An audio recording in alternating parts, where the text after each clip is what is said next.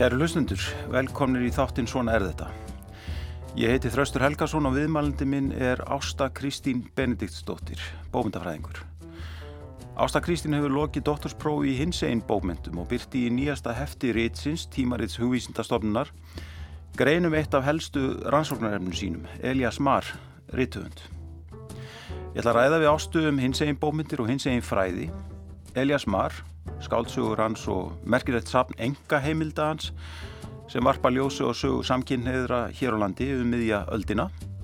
Vefarinn mikli eftir hald og lagsnes kemur við sögu sem hins einn bómyndir og við ræðum þátt hins einn menningar í tilkomu nútímans á Íslandi.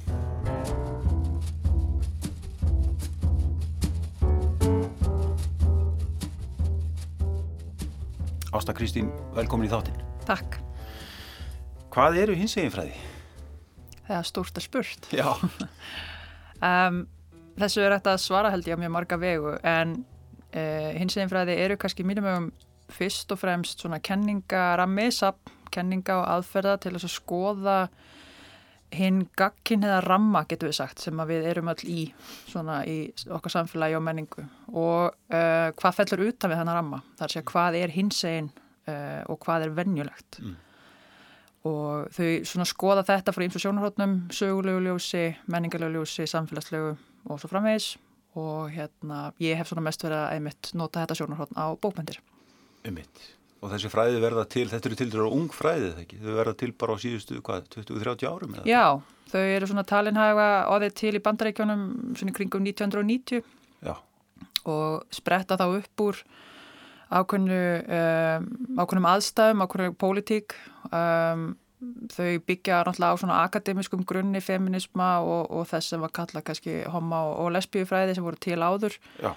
En síðan kemur, svo breytist hérna svona baráttu nálganir og aðferðir uh, fólks uh, í tengslu við alnamið og bara ástandi í heiminum uh, í tengslu við hins, ástandi í heiminum fyrir hins eginn fólki þarna í, undir lokaldarinnar og það bara var frekar ljóst að, að margi vildu aðra nálganir, aðra aðferðir og hérna það séðan þannig runnu saman raun og veru aktivismin og fræðin þannig kringu 1990 Einmitt. fyrst í bandaríkjónum og breytu svo út um heiminn.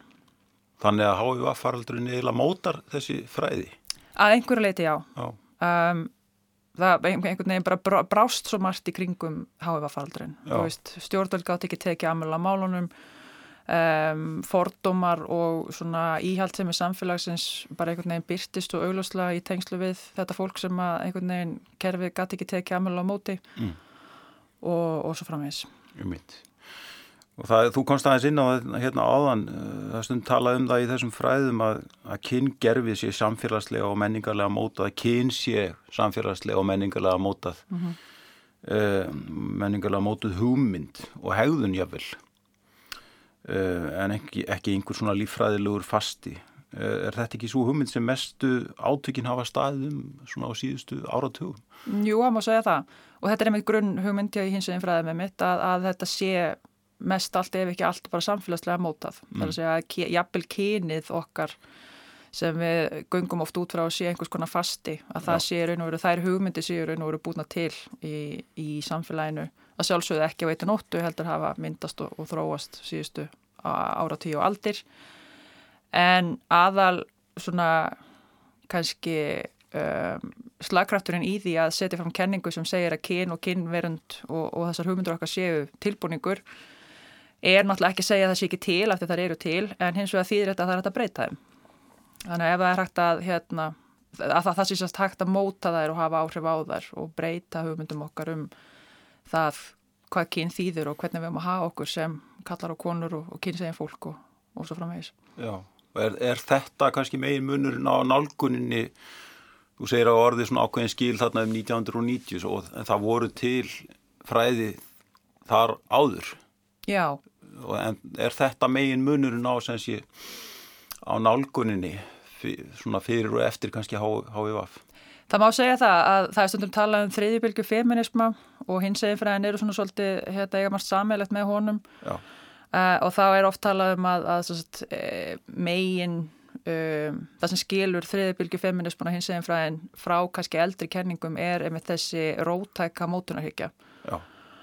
Að einhvern veginn segja bara nokkurn veginn skilið við hugmyndur um eðli og, og, og fókusera bara nánast uh, fyrst og fremst algjörlega á það hvernig samfélagið mótar okkur og hefur mótað okkur og hvernig við getum haldið áfram að hafa áhrif á þessa, þessa mótun Já. og hvað hún þýðir raun og veru fyrir okkur. Já. Og hins eginn fræði og hins eginn bókmyndur eru þá að, að lýsa því hvernig fólk tekst á við þetta svona fljótandi fyrirbæri sem kyn og kynneið er. Já, um, það má segja það. Það er einmitt sko innan þessa ramma rúmast líka um, uh, náttúrulega allar þessar sjálfsmyndir, þú veist, homi og lesbija og tvíkinneið og, og trans og, og allt þetta, þú veist, sem við erum núna búin að setja nafn á, Já. var ekkert endilega nafn á hér áður fyrr kannski, Nei, en síðan var búið til eitthvað svona, eitthvað hugtak, eitthvað svona sjálfsmyndarhugtak og undir það sapnaði einhverjum svona, einhverjum hugmyndum um fólk og hvernig fólk er og, og eitthvað. Um, það er nýtt, það er að segja búa til þetta, þetta heiti á alls konar tegundra fólki getur við sagt, Já, en það þýðir ekki að fólki sé nýtt, sko. Þetta, Nei, þú veist, þessar, þessar tilfinningar og þessar hugmyndir og þessar upplifanir hafa alltaf verið til, Mhm. en það sem er nýtt svona í uh, vestrænu 20. aldar nútíma samingi er þetta að við erum farin að setja sjálfsmyndar svona hugtök og heiti á alls konar uh, maður segja, getur, tegundra fólki eða sjálfsmyndir. já. Og það, það kannski segir sitt um það hvað í raun og veru við erum komin stutt á veg sko að, að ég held að flesti geti séð sér í því að vera talsveit rugglaðir í þessari hugtakanótkun Algjörlega, en í dag og, og það eru jáfnvel að spretta fram ný og ný hugtök sko bara á hverju ári. já, já. Og fólk spyr kannski hvert leiðir þetta allt saman, hvað endur við? Um, um, ég oftur að, að veltaði fyrir mig hvort að við endur kannski á því einmitt að það verður bara að koma svo margar sjálfsmyndur og svo mörg hugtök að þau leysist upp ef við hættum að nota þau. Það væri kannski svona hinn fullkomla eh, í, ein- í einhverju skilningi hinn fu- hinn fullkomla hérna, hinn fullkomla sögulók að við bara einhvern veginn hérna, séum búin að læra það mikið um þetta allt saman að við bara þurfum ekki að nota þessu orð lengur. Akkurat.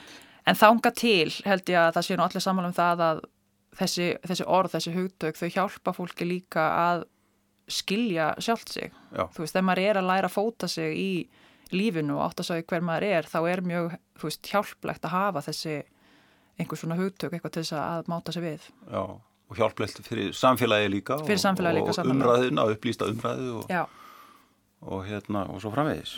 Uh, Sko eru hins egin bókmyndir öðruvísi bókmyndir eru það öðruvísi en aðrar bókmyndir sko, það er kannski flókin spurning, ég, ég veit ekki ég held að fólk kannski noti þetta orð á daldi ólíkan hátt, hins eginn bókmyndir.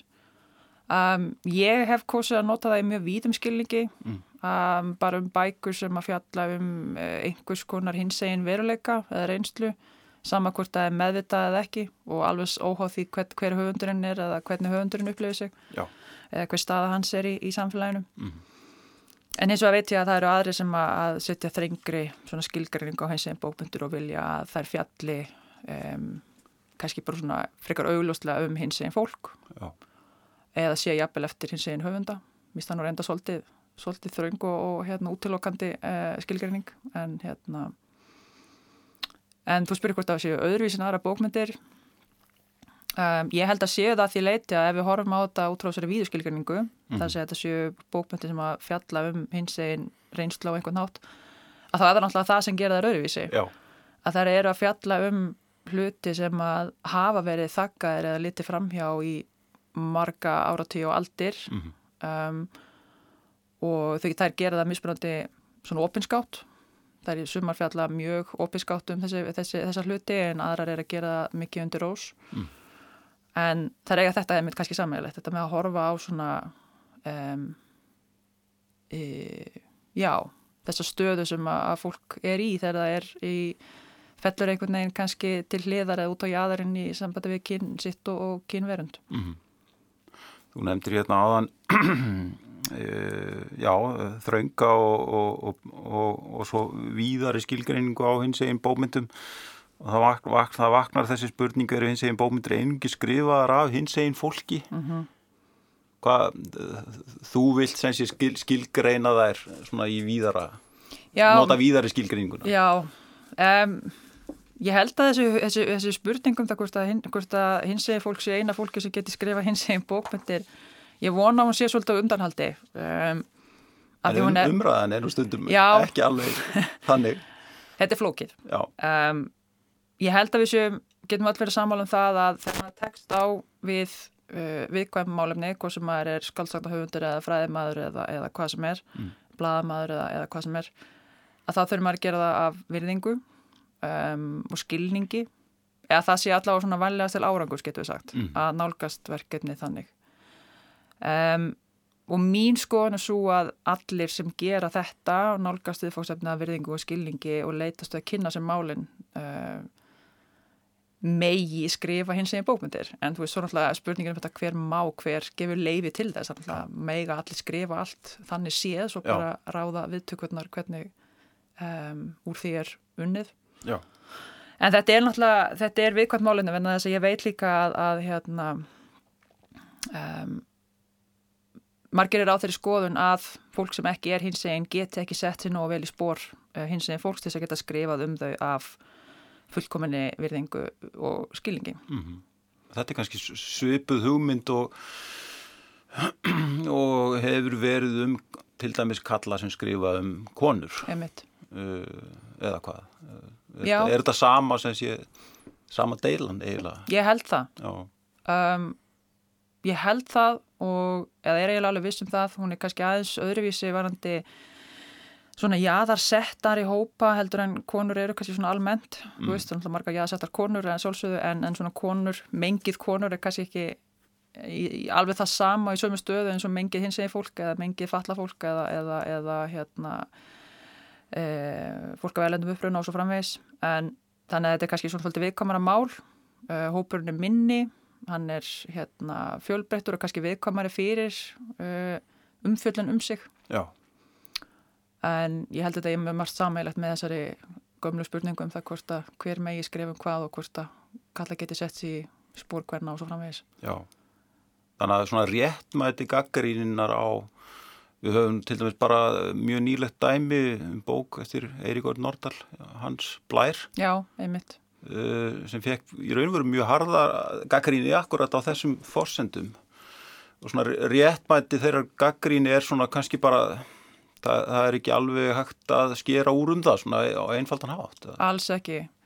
Þessi bók er mjög allt í kringum hana fyrst með mjög áhugavert eh, en líka alltaf flókja og erfitt mm. og, og þú veist, einmitt viðtökurnar voru eh, frá sumum mjög góðar uh, á annan, veist, á annan bóin að í raun og veru fyrst og fremst var, við, voru viðtökurnar þögn það var eiginlega bara ekki að tala að skrifa um þessa bók eftir hún kom út Nei svona aðeins fór að réttast úr því síðan þegar leið frá en uh, viðbröðin úr hinsinsamfélaginu voru uh, blendin og, of, og á tíðum mjög uh, gaggrinnin mm -hmm. um, og þarna gerist það að maður sem að, eða þessi stritthöndu sem að ekki skilgrinn sig sem hins einn að því ég viti, ég veit það ekki reyndar en hérna hef ekki heyrst það en hann skrifar sérst um mjög þessi persónu sem tilherir mjög jáðarsettum hópum Já. svo jáðarsettum hópum að talsmenn þessara hópa eru mjög fáir Já. á Íslandi Já. og byrtingarmyndir þessara hópa í bókmyndum á Íslandi eru bara nánast engar mm -hmm. og, og það er það sem er viðkvæmt að þetta skuli kannski vera svona fyrsta og eina personan sem er intersex uh, og, og byrtist í íslensku bókmyndum þetta er flókið einmitt og, og hérna, viðkvæmt af því að þessi tilþelda persona er uh, mjög íkt og ég er náttúrulega dregin upp mjög neikvæðum írónískum um, dráttum. Þar sem hún er svona, getur við sagt ekki mjög, þetta er svona persóna sem er, er ætlaður en var að vekja með sterk viðbröð hjá fólki. Já. þannig að það er þessi blanda sem að svona um, verður mjög ábyrrandi og frekar flókinni tengslu við hans blæfi en hins vegar held ég að þessi bóka er að frá líður og við erum fann að fá pínu fjalla á hlutina held ég að ney eftir að fá miklu meiri umræðu. Já Þetta er svona, þetta er svolítið óuppgert máli. Þetta er það, já. já. Sko, já, sko, hins eginn bókmyndir uh, lýsa uh, upplifun og reynslu hins eginn fólks, en sko, það er lýsa líka, sko, ákveðinu sjónarhortni á samfélagið mm -hmm. sem oft er gaggrínið og, og, og það er kannski líka svona um, mikilvægt framlag þessara bómynda, ekki satt? Jú, margar þeirra varpa uh, því ljósi á samfélagið í gegnum persónasköpun eða sögusvið eða hvað það er um, að samfélagið sé kannski ekkert rosalega vinsamlegt gagvart hins eða fólki eða heftandi kannski á það hvernig fólk fá að vera sem kynjað uh, fólk Já. og í sínum uh, kynfyrirslegu samskiptum við annað fólk. Já. Þannig að því litið til getur við sagt að margar hins eða bækur, alls ekkit allar, um, svona gaggrinni þannig gagginn eða ramma sem að, að hins eða fræðin uh, svona eru að rína í. Já, mm. einmitt. Hvenar hófust rannsóknir á hins eða bómyndum og hins eða menningu á Íslandi? Á Íslandi voru það uh, bókmyndafræðingar Dagni Kristjánsdóttir og Geir Svansson sem að riða á vaðið frekast nefna kringum aldamótin og voru þá svona mjög vel vakandi getur við sagt hvert í nýjum kenningum út í heimi því að þetta var alveg, alveg nýtt að þessum tíma. Um, og síðan sko gera þau eh, mjög flotta rannsóknir og, og skrifa en síðan hérna eh, eru þetta ekki þeirra aðal rannsóta svið þannig að þetta verður bara smá tímabil sem að síðan einhvern veginn rennur líður hjá að mestu. Já. Og síðan gerist ekkert nættur rosalega mikið fyrir en bara fyrir uh, nokkur mánu síðan. Já. og hérna Það er eiginlega þín kynsloð fræðmanna sem er síðan að, að taka þetta upp. Já, eiginlega í raun og veru. Það var sko hins eginn fræðin náttúrulega hafa þau voru hérna notuð og, og gerðar margar ansvotnir í félagsvísutum hérna við Háskóli Íslands mentavísutum líka En svona í hugvísundunum, sögunni og bókmyndunum þá er þetta svona frekar nýlegt að við séum fann að taka þetta upp aftur. Já. En á móti kemur að það er mjög mikið að gerast akkurat núna. Akkurat. Það er fullt af rannsóttum í gangi, mjög mikið spennandi hlutum að gerast.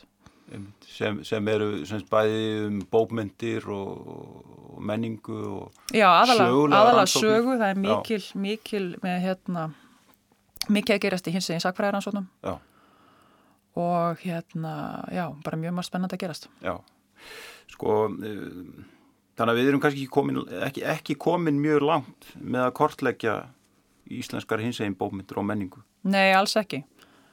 Um, það er búið, við vitum svona það er búið að hérna, skrifa ákveðin yfirleiti yfir Geirs Svansson gerði það vel í, í sinni fyrstu grein, mjög langri og ítalegri grein Einmitt. sem byrstist í skýrtni um, þar fór hann yfir uh, svona síðustu ár aldarinnar 20. og, og skrifaði um Vigdísi Gríms og Guðberg Bergson og, og Kristín Ómars. Og síðan hefur Dæni Kristjáns mikið skrifað um Kristín Ómars líka þannig að hennar höfundaverk allavega svona uh, stórlutaði hefur verið svolítið kortlaðar í þessu ljósi. En þegar ég fór að skoða til dæmis fyrirluta aldarinnar, ég vildi svona aðeins beina sjónum mínum aftar uh, áður en að þessir höfundar fór að skrifa og áður en að samtökja 78 ári til og alltaf þá rakst ég bara á það að það var ekkert til. Það var eiginlega bara ekkert búið að rannsaka. Nei, mitt og þá komum við eiginlega að greiniðinu um Elias Mar í, í ritinu. Og það kemur fram í ingangi hennar og, og þetta er grein sem fjallar um tvær fyrstu skáltsugur Eliasar og það kemur fram í inganginum að hins egin að saga hins egin bókmynda fyrir miðja 20. stöld sé lítþægt og, og og, og þess vegna er persónulegar heimilda sem að Elías skildi eftir sig ávar dýrmættur vittnisspurður um sögu samkynniðra hér á landi. Þú segir að þessi handrit sem eru varvitt í landsbókarsarninu þau séu sérstök á heimsvísu og, og einstök á, á, í íslensku samingi. Það er sem sé lítið til af, af heimildum á, á borðið þessar. Já, persónulegar persónulegu vittnisspurður frá fyrirluta 20. aldar og fyrir þann tíma um hins eginn líf er bara mjög sjálfsögur ekki bara á Íslandi heldur mjög víða og mjög, þú veist, löngsaða fyrir því í víða erlendis að, að það hafi bara beilinnis verið reitskoðan í gangi. Þannig að fólk brendi dagbækur og bref og alls konar hluti sem að gáttu einhvern veginn eh, komið upp um fólk. Já, akkurat. Og jafnvel þó að það hafi ekki verið beinleinis reitskoðan í gangi þá gruna mig nú að mjög margt efni á Íslandi hafi líka lendi í eldinum bara út af viðhóri samfélagsins og, og, hérna, og því að fólk var ekki tilbúið til þess að afhjúpa þessi mál sín bara fyrir uh, eftirlifundum. Um, þannig að ég held að sé ekkert fyrir en svona réttinda bara áttan fyrir á fólkið flug, Já. svona eftir miðja 20. stöld, jafnvel setna sko, mm -hmm. 8. og 9. áratögnum sem að fólk fyrir að hugsa um þessari heimildi sem eitthvað sem það þurfa að geima. Já. Og þess vegna er sapniðans Eliasar svo merkilegt þess að hann er að skrifa þarna ótrúlega persónulega hluti kringum miða 20. öld. Um, á sama tíma og hann er átt að segja á því að hann er tvíkinniður og hérna hann heldur upp á þessu hluti. Hann, hann sko gerir það svo samvinsku samlega að allir sem er heimsóttan segja hafa sagt fyrir mig frá því að þau hafi vita að hann væri þarna búin að taka til allt óti sitt. Já, þú veist sem ætti að fara á sapna honum, honum liðnum. Akkurat Þannig að hann var mjög meðvitaðar um það að hann væri að sapna í sarpin fyrir setjum tíma fólk. Akkurat. Hann meiris að tala um það að þetta sé efni sem framtíðar já, fræðmenni munur ansaka. Hann er svo, hérna, vissið sín í söka þegar hann er bara úlingur 16-17 ára þá skrifar hann í þessi gögn að hann sé að geima hluti fyrir setjum tíma bókmyndafræðinga. Akkurat. en sko vögguvísa er líklega þekktasta skáltsa Eliasar og kannski svo sem hefur svona trygtónum sess í bómyndasögunni hinga til en þú fjallar um tvær fyrstu bækunar hans eftir östutan leik og manniði löngum sem kom út hvað 46 og 49 mm -hmm. uh, þú rekur þarna forvinnilega tilurðasögur þessar að tekja bóka í greinir, getur sagt okkur aðeins frá henni? Já um, þegar, og þetta veit ég allt og get ég séð af því að Elías skildi eftir sig þessi gögn. Hann skrifaði þess að dagbækur, svona minnisbækur og svo skrifaði hann líka í aðrar svona dagbækur, svona aðeins lengri og lengri texta og svo skrifaði hann líka mjög mikið af bara handritum, ókláraðum, ljóðum og sögum mm. og í þessu efni öllu saman getur maður svona fundið púsl þegar maður getur púsla saman og komist að því að, um, að þarna á þessum árum frá svona 40 og kannski 5, 6, 7 að þá er hann farin að sjá því að hann er hrifin af bæði köllum og konum og er svona að sjá því hvað það þýðir og hvernig hann er að tala um það og, og svo leiðis. Síðan eh, árið 1950 og svona eftir 1950 þá er hann bara, getur við sagt, komin út á skápnum. Já. Þannig séð. Um, hann er bara á þenn frekar opinskár með þessar tilfinningar sínar og farin að hanga lögu vegi 11 og, og hérna, tala um homeri og svona alls konar. Þannig að allir sem vilja vita hann sé fyrir kallmenn vita það þarna eftir 1950 Já. en það er þessi ár sem er mjög svo áhugaverð. Þessi ár þar sem hann er að átta sig á því hver hann er. Um, og það er svo magnað að hann skulle hafa skilið eftir gögnum þessi ár. Já. og þannig að ég var að skiknast inn í þannan glukka um, og það sem er áhugaverð líka er það að á þessum tíma þá skrifar hann þess að tvæði skáltsugur og gefur þar út.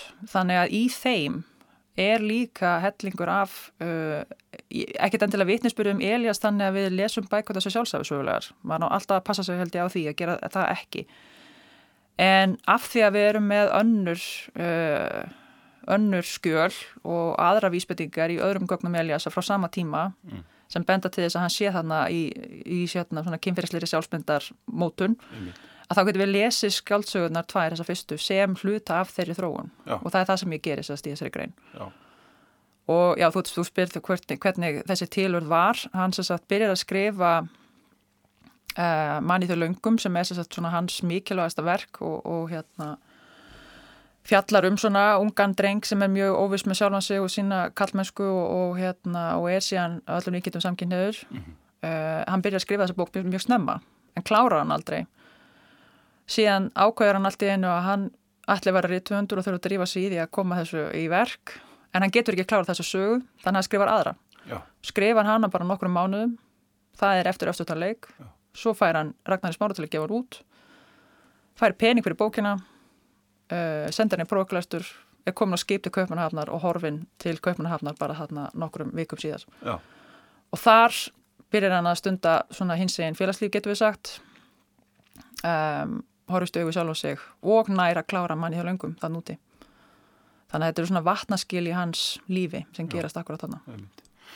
Og það er sem sé þú sérð bæði semst, í þessum skáldsugum þarna á þessu, þessum, þessum tíma, fimm ára tímabili mm -hmm. cirka og sömulegis í þessum persónu heimildum ymmit eiginlega átök hans við þær hugmyndir sem vorum að nefna hérna áðan um sem sé félagslega mótað kyn og kyngerfi og kynneigð mm -hmm og hérna og hann, hann er beinlýnis maður sér það í þessum sko, skáltsugunum að hann er beinlýnis einhvern veginn að hann er bara að, að berjast við þessar hugmyndir og reyna einhvern veginn að staðsetja sig og, mm -hmm. og personur sínar Já, þetta eru skáltsugur sem eru, það er fjalla ekki beinlýnis opinskátt um samkynneið mm. af því að hann segir það ekki upphátt en það er samt mjög auðvelt að lesa mellir línana og það er náttúrulega, svo ég bæta þess við það hvað hins veginn bókmyndir eru þær hafa náttúrulega það dásalega eiginleika að þær eru yfirleitt að ekki segja eitthvað. Já, akkurat. Þannig að þær eru svona góðsenn land fyrir bókmyndafræðinga sem að vilja lesa mellir línana. Akkurat.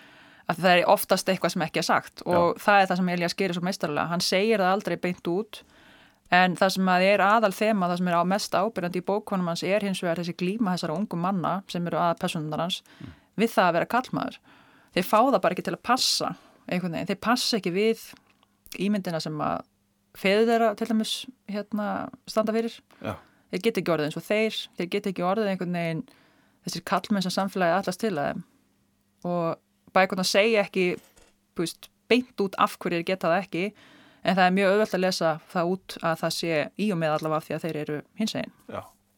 Einhvern veginn bara, það er þeir passi ekki inn í þessa strángu gaginn hefur hugmynd af kallmanni sem að samfélagið er með. Já.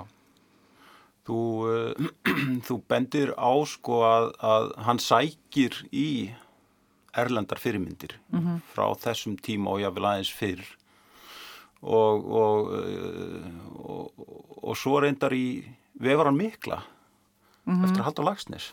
Ég þarf aðeins farið yfir svona þessar kannski fyrirmyndir erlendar og svo, svo tengslinn við vefaran mikla. Mm -hmm. Hann er einmitt, Elias Sækir uh, vísanir og svona fyrirmyndir mjög víða. Það mm. er hægt að halda mjög lengi áfram að rekja þau textatengsl ef maður vil það og ég gerir það reyndar aðeins í ríkjunni minni, ekki svo mikið í þessari grein. En hérna, til dæmis eftir ástöndar leik sem er þessi bók sem hann skrifaði bara á nokkru mánuðum og kláraði mjög hratt og mjög margir höfðu miklu evasemtur um að yrði nokkuð af því hún var skrifuð svo hratt. Já að hún er til dæmis mjög augljóslega inblásin frá ýmsum tilvistar heimsveikilegum verkum eins og hérna Ógleðin eftir Sart og, og hérna og ýmsum fleirum. Um, en síðan er hann líka um, að því mér finnst allavega fyrir augljóslega að byggja og sækja í vefaramikla og Já. það hefur svo sem verið bent á það áður. Ég, ég var ekkert fyrsta að benda á það. En það sem kemur í ljóð sem að skoða gögnin hans Eliasa líka er það að hann er bara með haldurlagsins á heilanum. Já, ég veit hann bara dyrkar hann um, og les vefar hann örgulega nýju sinnum þarna á einhverju tíanbili mm.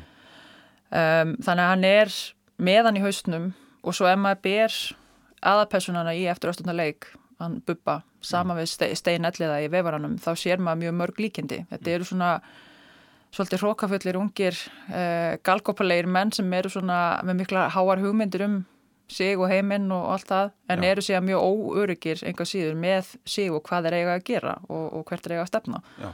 og allt það þannig að hérna þannig þar eru líkindi um, og síðan þegar ég fór að skoða við varum mikla betur, hafði nú aldrei ekki lesið hann sín í framhanskóla eða já, allavega ekki síðan hérna, í mörg ár að þegar ég setti upp hinsegin og fór að lesa hann aftur þá sá ég að, að við varum mikla líka hinsegin bók mm. sem er eitthvað sem ég hafði aldrei heyrt neitt tala um áður. Af því að Steinn Elliði með þess að hann á elskuga af, hann á kalkis elskuga og hann talar mjög mikið um kynlíf með alls konar fólki og svona en, en þetta hefur alltaf bara kannski verið afgriðt sem bara svona galkopaleg steinsellið á orðaða skiluru, einhvern veginn og ekkert verið tekinn eitt alvarlega. En Haldós að í vefaranum skrifar um sagt, mann sem er að prófa sig áfram með ímislegt og þar á meðal uh, kynneið og kynverund mm.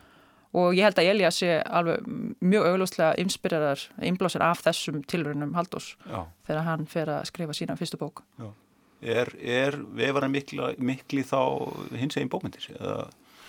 Ég myndi segja já, ég get lesið hana allavega frekar auglúslega sem hins eginn bókmyndir mm. uh, og maður sem er að segja þar maður ekkert að lesa hana þannig, það er nóg að benda á það að Steinn Elliði um, talar allavega um það að hann hafi stund að kynlíf með bæði köllum og konum. Mm. um, og hann býr í mörg ár með hérna kallmanni úti á Englandi þar sem að samband þeirra er hérna allavega fordæmt, fordæmt af móður stein sko mm. og þeir eru mjög nánir. En um þetta samband er samt að ekki skrifa það er bara svona þögn í vefaranum um þetta, þessi ár í lífi stein sko. Akkurat En það er mikil, mikil tilfinningur, mikil dramatík tengdast þessum, þessum manni sem að Steitnalli býr með, þú hefði ekkert sagt meira um hann. Þannig að hérna, mér þykir þykir alltaf frekar auglust að þar sé hafi verið einhvers konar nánd í gangi sem að hérna, flokka má sem hins einn sko. Mm -hmm. Þannig að ég veit að hérna, þetta er kannski ekki tólkur sem blasir við en ef maður horfir á veifaran með hins einn augum þá uh, má auglustlega uh, segja já með nokkur ekki að hann hótt að sé hins eginn skaldsaga. Já, þessi sko aftur að, að, að þessum skaldsugum Eliasar sko uh, þetta er hann að, að, að fást við kynneigð uh, og sko semst í skrifar um kynnið persóna sinna og hann á sama tíma glíma við svona eiginlega eig, hvernig hann á, á að vera sjálfur í mm. lífinu en sko er, er, eru þessi skrif og þú, ég held að þú nefnir það í greinni, eru þessi skrif einhvers konar meðferð, einhvers svona sjálfsmeðferð eða, eða sko hvernig, hvernig er þetta að líta á það? Mm, já sko ég held að hann hafi verið að máta sig við um, ég held að sé mjög mikið af Elias í þessum personum. Mm. Þetta er ekki sjálfsæði sögu, nei, sjálfsæði ekki. En hann er að skrifa þér á miklum mótunatímum þannig ég held að mjög mikið af hans reynslu og hans pælingum um bara lífið mm. hafi farið inn í þessa personur. Um, ég held að þetta hafi alls ekki verið sko kannski meðvitun meðferð eða einhver sjálf, sjálfsterapi að hans alveg en, hann, en þetta, ég held að þetta hafi samtalið verið það Já það er allavega einhver ástæða fyrir því að þegar hann er búin að skrifa þessar bækur og koma um út að þá er hann allt í hennu bara búinn að horfast í augu við ákveðnum hluti hjá sjálfum sér og til, tilbúinn að standa frammi fyrir ákveðnum hluta heiminum allavega og segja ég er tvíkinniður um, þessum þróska náðan á meðan hann var að skrifa bækunar og hann saði reynda sjálfur líka í brefi til útgefanda síns að, að manni þau lungum hefði verið svona ákveðin hann segir nú ekki þerapja mm. en hann segir að hann hafi þurft að ljúka þessum áfanga af til þess að geta haldið áfram með lífið Já. í rauninni. Já Sko, eftir að fyrsta bók Eliasar kemur út, þá notar hann skaldalögin til þess að leggjast í ferðalög til útlanda uh, og það, þar verða ákveðin tífamót í hans mm -hmm. lífi eins og þú nefndir hérna áðan. En svo fer hann í fleiri ferðalög á þessum, á þessum árum og hann fer meðan hans til London mm -hmm. og í kjálfarið þá skrifar hann merkilega grein í tímariti líf og list um dvöl sína í London árið 1950. Mm -hmm. Eh, grein heitir eitt þáttur úr Lundúna veldi og þar lýsir hann eh, hins egin menningu í stórborg, stórborginni. Já. Það er algjörlega ofinnileg grein í raun og veru eða ekki á þessum tíma. Jú, mjög ofinnileg, hann lýsir sér sett svona undir heimum Lundúnaborgar getur við sagt. Mm. um, því sem gerist eftir myrkur uh, fólkinu sem að borgarlega samfélag vill ekki kannast við. Mm. eitthulega salar og, og hérna og vændis, fólki vændi og alls konar hérna, fólk sem býr á göttunum en, en kannski fyrir ekki á söfnin og, og í hérna borgarlegu kvöldverði og allt þetta. Og, og þar á meðalega talar sérst um hérna hins veginn fólk, en hann notar endur orðið kynkverfingar sem er nú kannski orðsendatur nótkunn, ekki lengur setna en Já. hérna en þarna segir hann orðaran eftir því sem ég best veit uh, í fyrsta skipti uh, sérst þá talar hann um þessa hins í menningu sem hann hefur sjálf tekið þátt í um, og hérna og raun og veru kvetur eða krefst þess af lesundum að þeim síni þessu virðingu mm -hmm. þú veist, hugsi um það að það er ekki hefur borgarlega samfélag er ekki allt sem að e, heimir er snýst um það eru til fjölmargir aðri hópar og, og önnu svið í heiminum mm þar meðal þetta, já, þetta fólk sem að sem að e, kannski kemur ekkit út á göttuna fyrir en eftir myrkur af því að það þarf að fela sig Einmitt. og þarna upplifir hann kannski heim sem hann gerði ekki hér á landi á þessum tíma. Já, ég held að þessar stórborgardvalir hans hafi breytt mjög miklu fyrir hann. Mm. Hann, hann læði mjög mikið upp úr því að komast til útlanda, hann var náttúrulega blá fátækur þannig að hann gata Já. ekki mjög öðvöldlega, mm. notaði rítluninn til þess að komast til Kaupmannhafnar og ferðaðist síðan til Svíþjóður og Finnland og eitthvað og svo, hérna, svo ákvæður hann fara til London, fær skólastyrk, mm. um, fónu samt held ég aldrei í skólan allavega hef ég ekki fundið einar hérna, heimildur um það, ég held að hann hafi bara farið til London og, og svona eitt peningunum sínum og komið svo heim. Já. en það er allt í lagi, hann lærður mjög margt þar úti. Annað heldur en hérna, heldur en það sem að háskóladvölinn átt að bjóða upp á. En hérna London er náttúrulega á þessum tíma stórborg sko, sko, í, í einhverju skilningi sem að Íslandika get ekki kannski gert sig grein fyrir mm. þú veist þarna eru ekki bara marga miljónir af fólki heldur, heldur sko allir þessir allir þessi söpkúltúrar, þessir, þessir jáðarhópa sem að hafa sína eigin menningu og sína eigin, eigin, sína eigin, eigin rými mm. sem að Íslandikar gáttu bara ekki ímynda sér og hafðu ekkert séð fyrir í Reykjavík. Nei, Þannig er Elias kannski að flytja inn eh, hérna í gegnum þetta tímaritt uh, menningu sem, að, sem að var kannski hluti af því að, að, að því að í raun og veru að flytja nútíman inn til Íslands er, og við kannski komum aðeins betur að því. Það er mitt.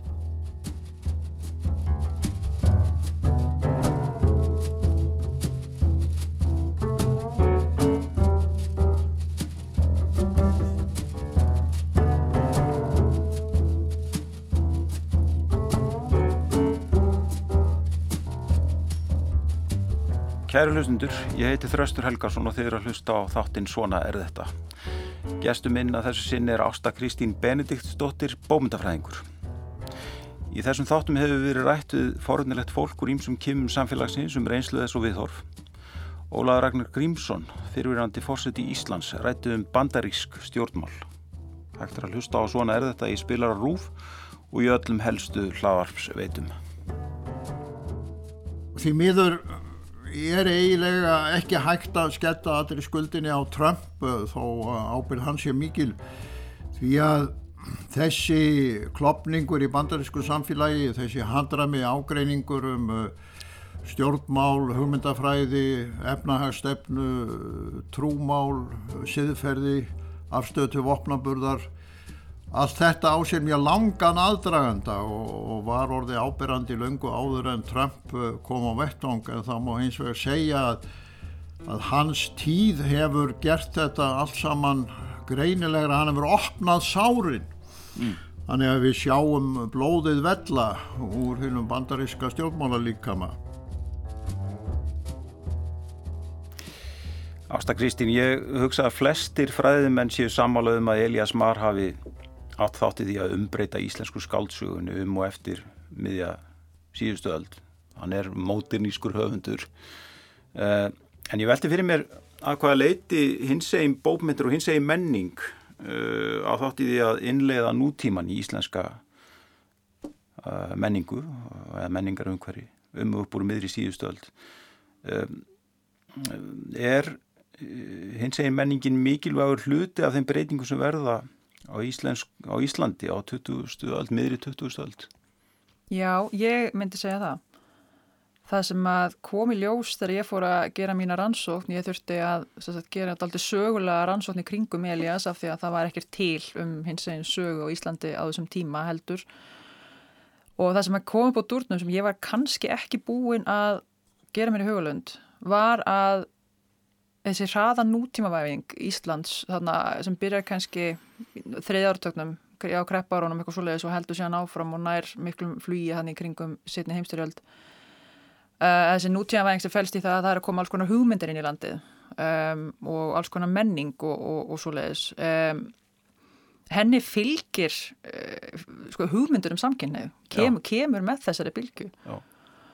og orðræðan um samkynneið og þessi sko hugmynd sem þróast smátt og smátt næri ekki sko fótfestu á Íslandi að því að verðist fyrir en eftir miðja 20. öld að fólk sé annarkvært gagginætt eða samkynnætt að mm. veist að það sé hægt að flokka fólk út frá kynni þessi hugmynd kemur bara inn í Íslands samfélag á sama tíma og þessi nútíma hérna bilding öll, bara þessi hugmyndafræðilega bilding sem að verður mm og þetta er, hef ég svona reykjum á mögulega daldið sérstakt, ekkit einstakt í heiminum alls ekki, en þetta gerist í samfélagum það sem, sem nútíma veða seint eins og Ísland Já. að höfmyndunum um, sko, um samkynneiða homoseksualisma fyrir að þróast og verða til hann undir lok 19. aldar en hún næri ekkert til Íslands fyrir setna Nei. og að samaskapi, en, en þegar hún næri hins vegar hingað þá er hún að þá gerist, þá gerist á sama tíma og þessi stóra, í raun og verið innbylting Íslandsverður sem átti sér stað mjög fyrir hjá mjög mörgum öðrum löndum. Já. Þannig að á Íslandi er ennur þetta tvent mjög auðvusla saman. Já. Mm.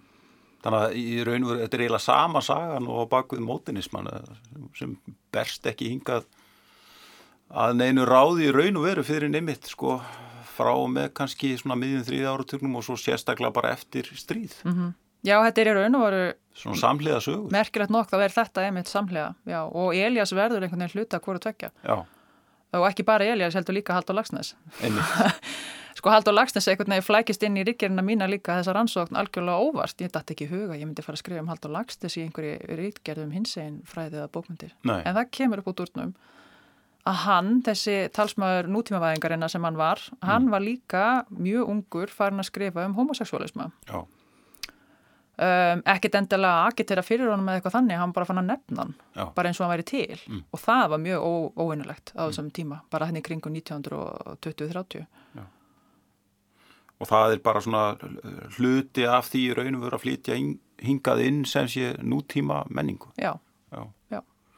Hva, sko, hvað, hvað gerist þið næst? Sko, er, er sko, eftir Elias Mar, um, er það þá sko, Guðbergur eða hvernig er þessi saga síðan? Hvernig, hvernig þróast þetta? góð spurning, það er ekki búið að rannsaka þetta Nei. Guðbergur náttúrulega er augljóst kannski dæmi uh, hann var náttúrulega hérna hins einn uh, og frekar opinn með það og, og hérna þeir Elias þekktust mjög vel og, og hérna uh, og bækur Guðbergs má lesa mjög margar með hins einn glerugum Já. þó að þessu ekki frek, frekar en bækur Elias en eitt rosalega opiskafa með það ekki fyrir en svo kvalda ást sem huga fyrstin geima sem kom út hvað 1990 eitthvað sluðis En fram að þeim tíma skrifa Guðbergur verk sem að má mjög auðvuslega lesa á hins eginn máta. Mm. Um, hérna, og síðan eru náttúrulega, má maður ekki gleyma ljóðskaldum, Nína Björk Átnadóttir til dæmis, þarf að fá sinnsess í þessari hins eginn sögu, hennar ljóð uh, mörg eru fjalla um ástir til hvenna já, og hérna, það er ímsi fleiri líka. Síðan er áhugaverð rítskoðunarsaga sem er, eh, kom líka upp á yfirborðið fyrir ekkert mörgum áru síðan. Það var ljóðabók sem var eftir höfund sem skrifaði undir dulnefninu Arnliði Álgeir. já, Man ekki hvort þú maður stættir þessu, en hérna, ef við tekið hvort þú maður stættir þessu. Mm. En það kom sérst í ljósa þessi hérna ljóðabók sem heitir Kirkjana Hafsbótni og allir held að var eftir Kallmann.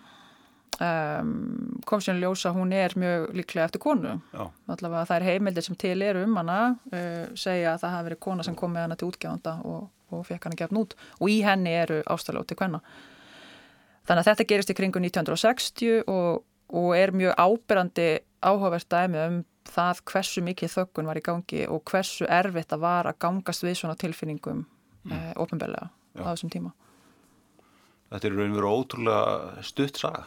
Hún er það, já, mjög stutt.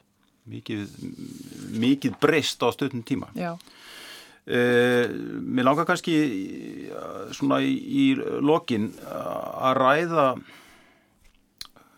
hvort, já, stöðu hins eginn bómynda á menningar í, í dag. Uh, uh, og kannski erfið spurninga en, en ef við berum bara verk Eliasa saman við það er hins eginn bómyndin sem er að koma út um þessar myndir þá hafa orðið talsverða breytingar ekki satt getur þú svona einhvern veginn líst þeim nærðu utanum það í- sem hefur kannski hva, hva, það sem hefur breyst í þessu sviði Ég er búin að vera að velta svo daldið mikið fyrir mér og, og er að skrifa greina mitt um 21. aldar bókmyndir sem Já. verður náttúrulega enga veginn tæmandi en einhvers konar, mun gefa einhvers konar hugmyndur um það hvað einkennir hins eginn bókmyndir núna bara á síðustu árum og áratugum og það sem ég finnst aldrei auglóst að hafi breyst og er algjör grundvallabreiting er og veru sama grundvallabreitingin og hefur átt sér stað í samfélaginu. Það er að segja á síðustu 20-30 árum hefur áður slík breyting á hins eginn uh, afstöðu til hins eginn málefna og fólks að því er bara ekki saman að líka sko. um, og í bókmyndunum byrtist þetta þannig að í staðin fyrir að hlutinni séu svona líka mellir línana uh, séu tjáðir svona á einhvern óraðan hátt að þá eru í sviðsljósunum personu sem eru mjög auðvitað hinsegin og tala um það hvernig það er að vera hinsegin. Já, um, fyrst í stað svona í byrjun aldarennars sýnist mér að þetta hafi gæst alltaf mikið í svona aukapersonum það fór alltaf inn að byrtast einhverju tveir pappar einhver staðar og, og svona einhverja svona hinsegin personu sem voru sko ekkert í sviðsljósunu en, en voru svona fengið að vera með og voru yfirleitt málað svona frekar jákvæðum dráttum sko. Eh, en síðan núna er á þau bara sífælt algengara að bækur fjallir hreinlega um hins eginn fólk og þeirra málefni. Um, þetta er samt nú ekki orðið það algengt að þetta sé eitthvað orðið einhver ólega bylting, þú veist, við viljum ennþá meira. Um, ég held að allir sem að, að hérna Já, mjög margir geta verið sammála, mér í því að auðvitað viljum við meiri, meiri, meiri bækur um hins eginn reynslu einfalla af því að okkur skortið það svo mikið, þú Já, veist, þær voru bara nánast ekki til svo lengi. já, Þannig að við erum þyrst í þetta, sannlega. En ég velti hins vegar fyrir mér hvort að við séum þarna að missa af þessu ótrúlega heitlandi sviði sem er þegar hlutinir er ekki alveg sagðir. þeir, þeir eru ekki alveg saðir í orð heldur líka með línuna Mm -hmm. ég ætla að vona við, við missum, missum þann hérna, þá vita ekki alveg því að það er hins egileiki sem liggur á milli línana er bara svo mikið hluti af okkar menningu og sögu Nákvæmlega, akkurat. Hérna, og við rættum það hérna aðeins áðan að það á eftir að rannsaka ímislegt uh, á sviði hins eginn bómynda og menningar á Íslandi. Uh, og svona hvert telur mikilvægast að beina sjónum og, og, og hvað ert þú kannski að fást við uh, núna og, og næstu, næstu árin? Það er svo margt sem hættar að rannsaka. Maður fær bara heiftalega valkvíða þegar maður hugsa um það. um, og við erum bara fá sem erum í þessum rannsóknum þannig að það þarf bara fleira fólk og, og ég hvet hér með bara alla áhuga saman til þess að hafa samband. Já. En ég sjálf er svo heppinn að ég er uh, þáttakandi í tveimur uh, nýdoktoraverkefnum Mm. og þannig að ég er í, bara í vinnunni við að skoða þessi mál. Annars vegar er ég í verkefni sem að fjallar um hérna, hinsegin, kynverund uh, og þjóðerni í sögulegu ljósi. Þetta er svona sakfræðileg og bókmyndaransók saman. Já, Það sem við ætlum að horfa bæði aftur til einmitt meira 20. aldar og líka dagsins í dag. Það skoða hvernig hugmyndur um íslenska, íslenska þjóð og íslensk þjóðerdi fara eða fara ekki saman við svona hinsegin leika og hinsegin fólk. einmitt. Og þetta hefur til dæmis, allavega við gefum okkur það í uppafi að þetta hefur gerbreyst til dæmis Já. frá tíma Eliasar og til dagsins í dag. Já, En síðan er ég líka að fara að skoða um, í raun og veru dönsk áhrif og áhrif kaupmannahafnar á íslenska hinsegin samfélagið undir lók 20. aldar. Það er frægur þessi svo kallagi flótti Íslandinga til kaupmannahafnar Já, og ég held að hann hafi alveg átt til stað en það hefur bara engi skoðað þessi mál neitt svona til hlítar. Þannig að ég ætla að skoða þetta bæði í, í, með sakfræðilegum heimildum og, og bókmyndum að tóka hvað ég finn. Eru til uh, eldri heimildir en, um, en frá Elias Mar um þetta? Um það, hann svo sem flýr ekki til Kaupanafn, en hann fer til Kaupanafn. Jú, hann í raun og veru er einn af þessum sem hann má alveg segja það að hann sé einn af þeim, sko. Hann leitar þangað og leitar þangað, einmitt já. ver, á hann sína fyrstu reynslu. Akkurat. Þannig að fyrir Elias er þetta mjög mikilvægt. Uh, ég ætla að fókusera fyrst og fremst á setnilötu aldarinnar Já. en það væri mjög skemmtilegt að skoða einmitt líka hvort það séu eldri dæmi Já. og þau eru alveg örgulega til. já, En síðan fer þetta verða mjög held ég ríkur þáttur í lífi mjög margra í kringu 1970-80 já, um, og hérna það eru til marga náttúrulega frásatnir um, um það fólk sem bara þurfti að komast úr landi til þess að bara átta sig á sjálfu sér og, og lífinu og, og kannski fá að byrja aðeins upp á nýtt. einmitt. Uh, var það sérstaklega Kaupanafn eða fór fólk víðar? Eða? Fólk fór víðar, miklu Já, víðar já. en það er nú bara eins og með svo margt í okkar sögu að einhvern veginn er kaupmanahöfn alltaf höfuborgin Já, og hefur eitthvað svona aðdáttarafl kannski af því að íslenska samfélagi þar er um, þú veist, þú kemst í stórborg og narða hverfa en þú hefur samt þitt fólk pínu, einhver svona, einhver, einhver tengsl getur skapað þitt samfélag, ég veit það ekki Já.